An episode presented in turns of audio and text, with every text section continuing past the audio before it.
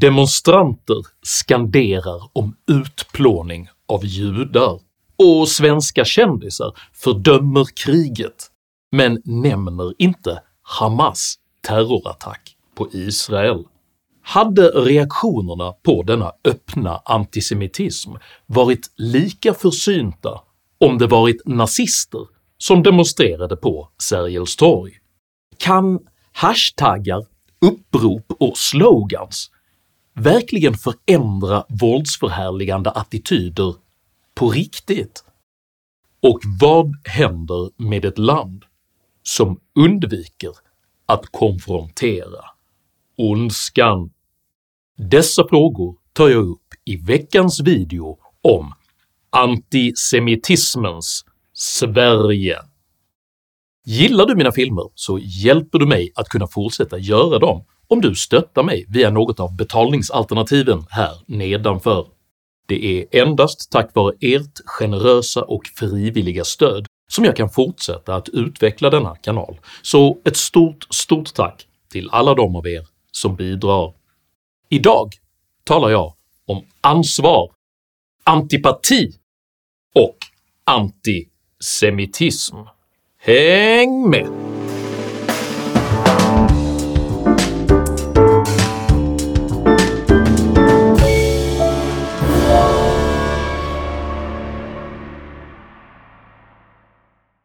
Magiskt tänkande är en psykologisk term som beskriver en orealistisk syn på orsak och verkan, där personliga önskningar och känslor antas kunna påverka omgivningen.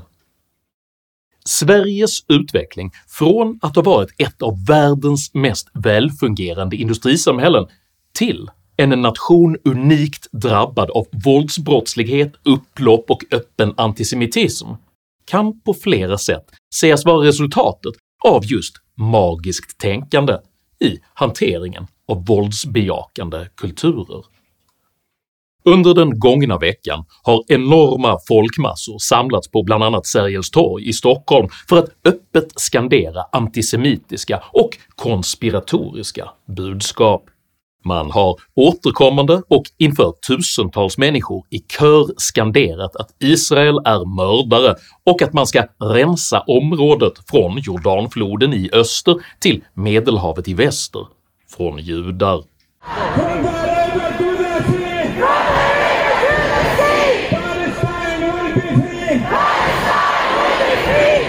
Man har i megafon även påstått att statsministern inte bör kritisera Hamas eftersom den svenska socialtjänsten påstås ha tagit tusentals barn.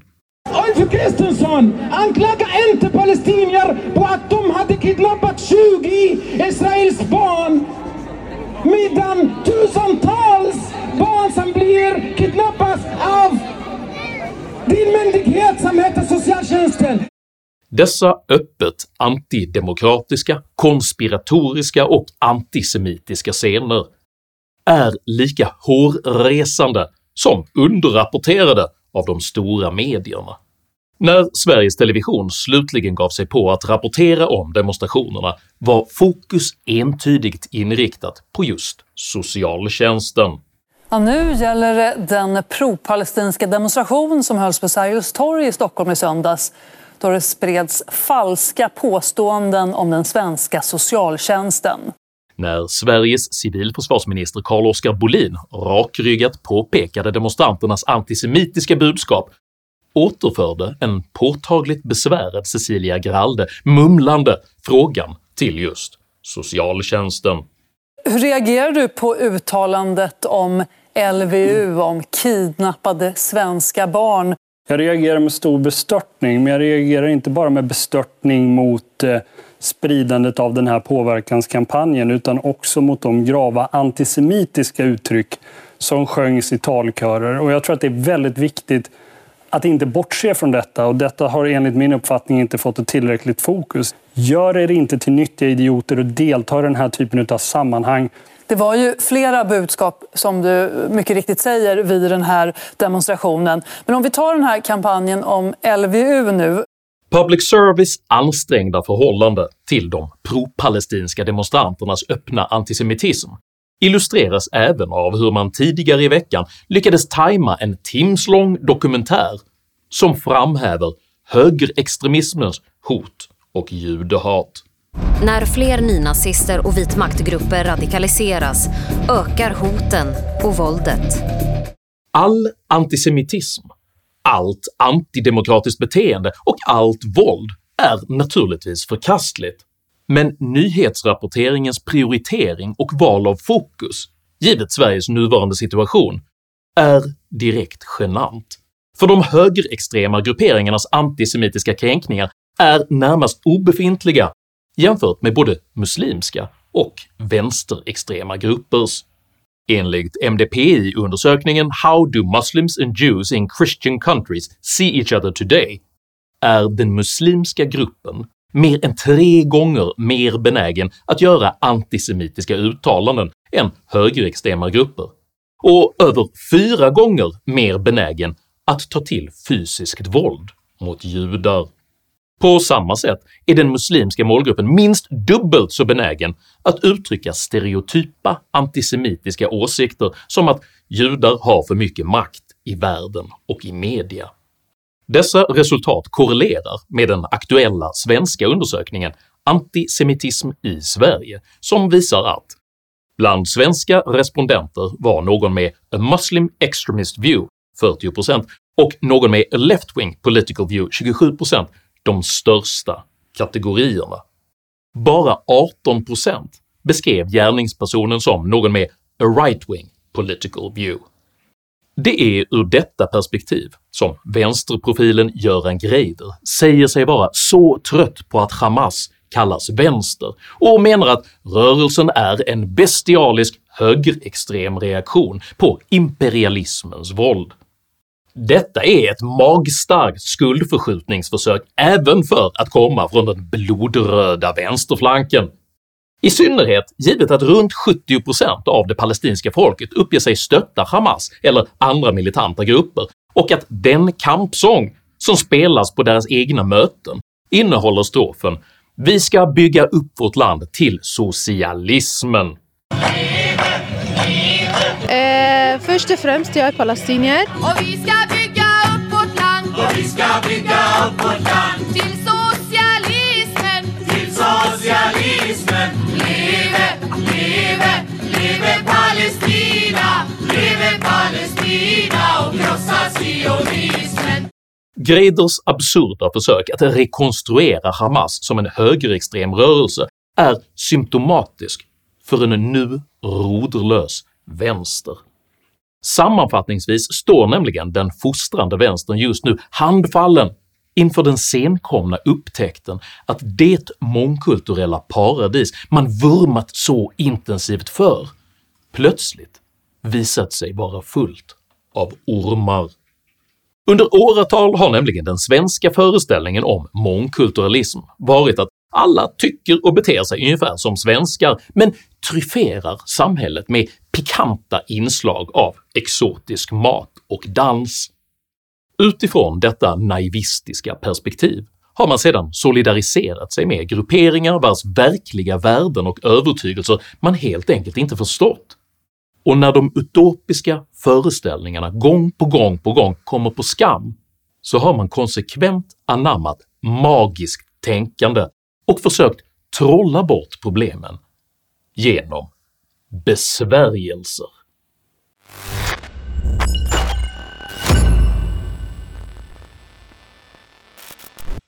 En av de första av dessa besvärjelser kallades “Rör inte min kompis” vilket var en kampanj som syftade till att motverka rasism hos skolbarn. Under valrörelsen 1985 bar samtliga företrädare för vänsterblocket kampanjens knapp på sina kavajslag, och även serietidningen Bamse använde kampanjens slogan. Målsättningen var att genom social ingenjörskonst fostra fram förbrödran mellan svenska och utländska skolbarn, men projektet gick i stå i samband med de så kallade Kungsträdgårdskravallerna, vilka präglades av tilltagande etnifierade ungdomskonflikter. Hörru du! När jag säger att jag vill ha cigg, då ger du mig cigg. Fattar du? Denna våldsamma utveckling gav upphov till en ny besvärjelse kallad “A Non-Fighting Generation” en verksamhet som fram till början av 1990-talet arbetade för att minska våldet och ungdomskriminaliteten i Sverige. Satsningen, som finansierades med kommunala medel, visade sig snart vara direkt kontraproduktiv. Non-Fighting Generation skulle hålla buset i Stockholm i schack. NFG blev istället en idealisk täckmantel för fortsatt brottslighet. En kväll avslöjades att NFGs högkvarter i Hökarängen fungerade som hälericentral. I lokalen hittades stöldgods för 30 000 kronor, däribland kläder, tobak, klockor, miniräknare och sportutrustning från olika inbrott. Bland de gripna var ordföranden för NFGs lokalavdelning i Farsta.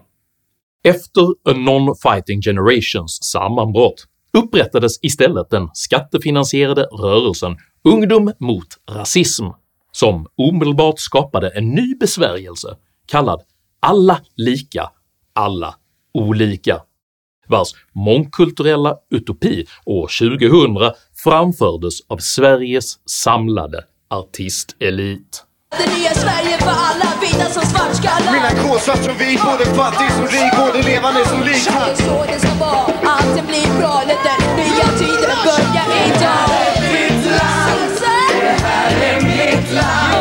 I samband med Sverigedemokraternas inträde i riksdagen år 2010 parafraserade Aftonbladet denna besvärjelse och korsbefruktade den på ett närmast totemistiskt sätt med den 25 år gamla “rör inte min kompis”-symbolen. Året efter haglar de rituella besvärjelserna in. Dagens Nyheter gör ett stort nummer av en grupp personer som hoppar, dansar och stretchar mot rasism, och Sveriges Televisions nyheter rapporterar om hur en dansant flashmob öppnar gränser mellan unga i Sverige. År 2013 lanserar så en grupp aktivister hijab-uppropet, vilket innebär att kvinnor ska beslöja sig i solidaritet med muslimska kvinnor, vilket snabbt får stor uppslutning från Sveriges samlade vänsterkvinnor.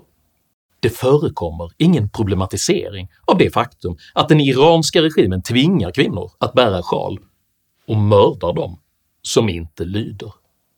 Trots alla dessa heroiska insatser så fortsätter de etniska motsättningarna i Sverige att växa, och i efterföljande val går Sverigedemokraterna kraftigt framåt. Dagens Nyheter kontrar nu detta med besvärjelsen “Jag delar” där kändisarna från Alla lika-musikalen modigt nu får lov att ta avstånd från rasismen en gång till.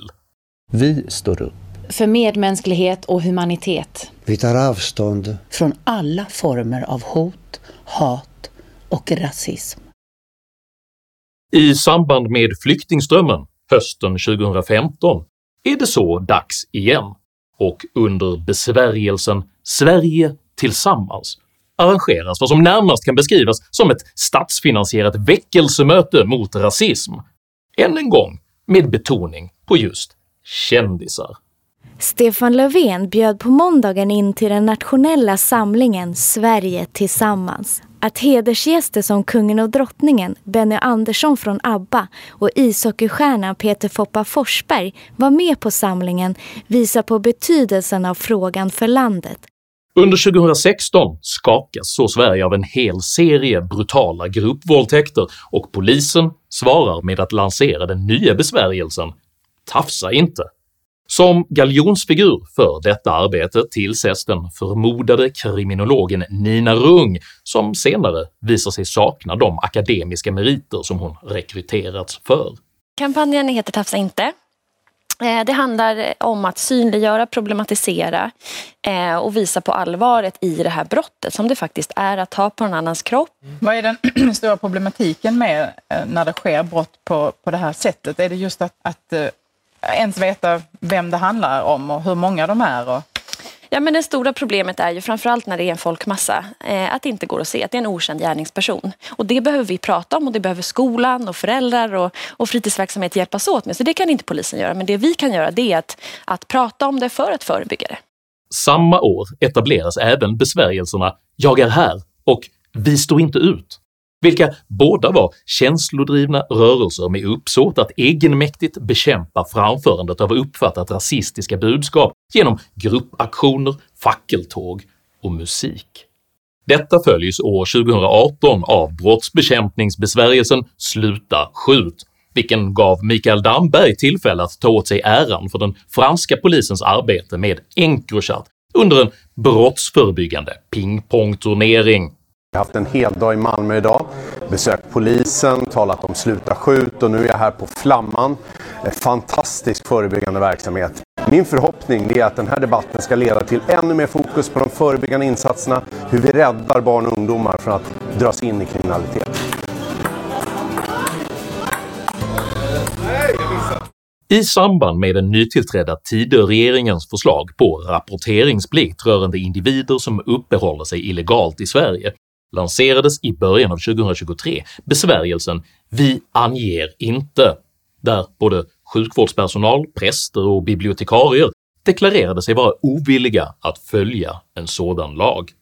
Grupperna uppfattar detta som ett försvar av utsatta minoriteter, men problematiserar ingenstans att till exempel den terrorist som nyligen mördade två svenskar i Bryssel hade uppehållit sig illegalt i både Sverige och Belgien, och att personer som vistas illegalt i landet lika väl som offer även kan vara säkerhetsrisker. Den senaste i raden av besvärjelser är än en gång en hord kändisar som under hashtaggen “Vi kräver” kräver ett stopp på kriget mellan Israel och Palestina och detta med hänvisning till att de den senaste veckan har bevittnat ett fruktansvärt våld och att de inte står ut. “Vi kräver” fokuserar uteslutande på den senaste veckans händelser och utesluter därmed Hamas terrorattack på Israel där minst 1400 personer, varav många civila, mördades. Detta är inget angrepp på de enskilda kändisar som satt sitt namn på denna banala överförenkling av tillvaron, men det illustrerar impotensen i de infantila besvärjelser som under decennier präglat svenskarnas förhållande till våldsförhärligande kulturers antisociala beteenden.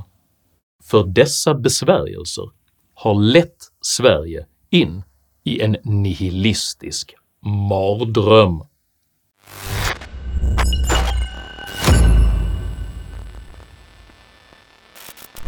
Det svenska folkhemmet har präglats av föreställningen att människan kan och bör formas av staten. Denna människosyn innebär att alla typer av problem, vare sig det gäller fattigdom, brottslighet eller våldsförhärligande åsikter, betraktas som sociala utmaningar vilka kan och bör korrigeras av en ansvarstagande statsmakt. Detta är anledningen till att svenska politiker, kändisar och medier ständigt återvänder till besvärjelser varje gång de konfronteras med verkligt våld, verkliga konflikter och verklig ondska. “Rör inte min kompis, tafsa inte, sluta skjut”. Men magiskt tänkande påverkar inte den verkliga världen vilket lett till den morbida konsekvensen att Sveriges magiska tänkare helt enkelt ignorerar verkligt våld, verklig antisemitism och verklig ondska. Men det är inte tolerans att stå tyst när tusentals människor hyllar terrordåd och skanderar att de vill utrota judar. Det är att stå likgiltig inför ondskan. Det är inte att se saker ur flera perspektiv när man relativiserar Hamas våldtäkter och lustfyllda skändande av lik. Det är att underkasta sig ondskan. Och det är inte solidaritet att alliera sig med barbarer även om man uppfattar dem vara förtryckta, för det är att kapitulera för ondskan. Sveriges outhärdligt infantila besvärjelser som svar på verklig ondska måste nu upphöra. Eftersom de under den förmenta toleransens hycklande baner förleder de lättledda till moralisk nihilism och antagoniserar alla normala människor, med resultatet att Sverige blir ett lätt villebråd för de grupper som är beredda att tillgripa verkligt våld för sin sak. Sveriges nuvarande antisemitiska kris är ett konkret och självförvållat resultat av att man under 40 års tid uteslutande ägnat sig åt magiska besvärjelser istället för att rakryggat konfrontera oacceptabla attityder och beteenden oavsett vilken grupp de kommer ifrån. Sker inte denna förändring så kommer Sverige att få erfara att den magi man ägnat sig åt i själva verket var en förbannelse. Om du uppskattade innehållet i denna video så hjälper det mycket om du delar den med dina vänner och kanske till och med stöttar mitt arbete via något av betalningsalternativen här nedanför. Dela även gärna med dig av dina egna åsikter och erfarenheter i kommentarsfältet här nedanför, men jag ber dig att alltid vara artig. Jag accepterar inte aggression, personpåhopp eller rasism i mina idédrivna kommentarsfält. Tack för att du som kommenterar respekterar detta.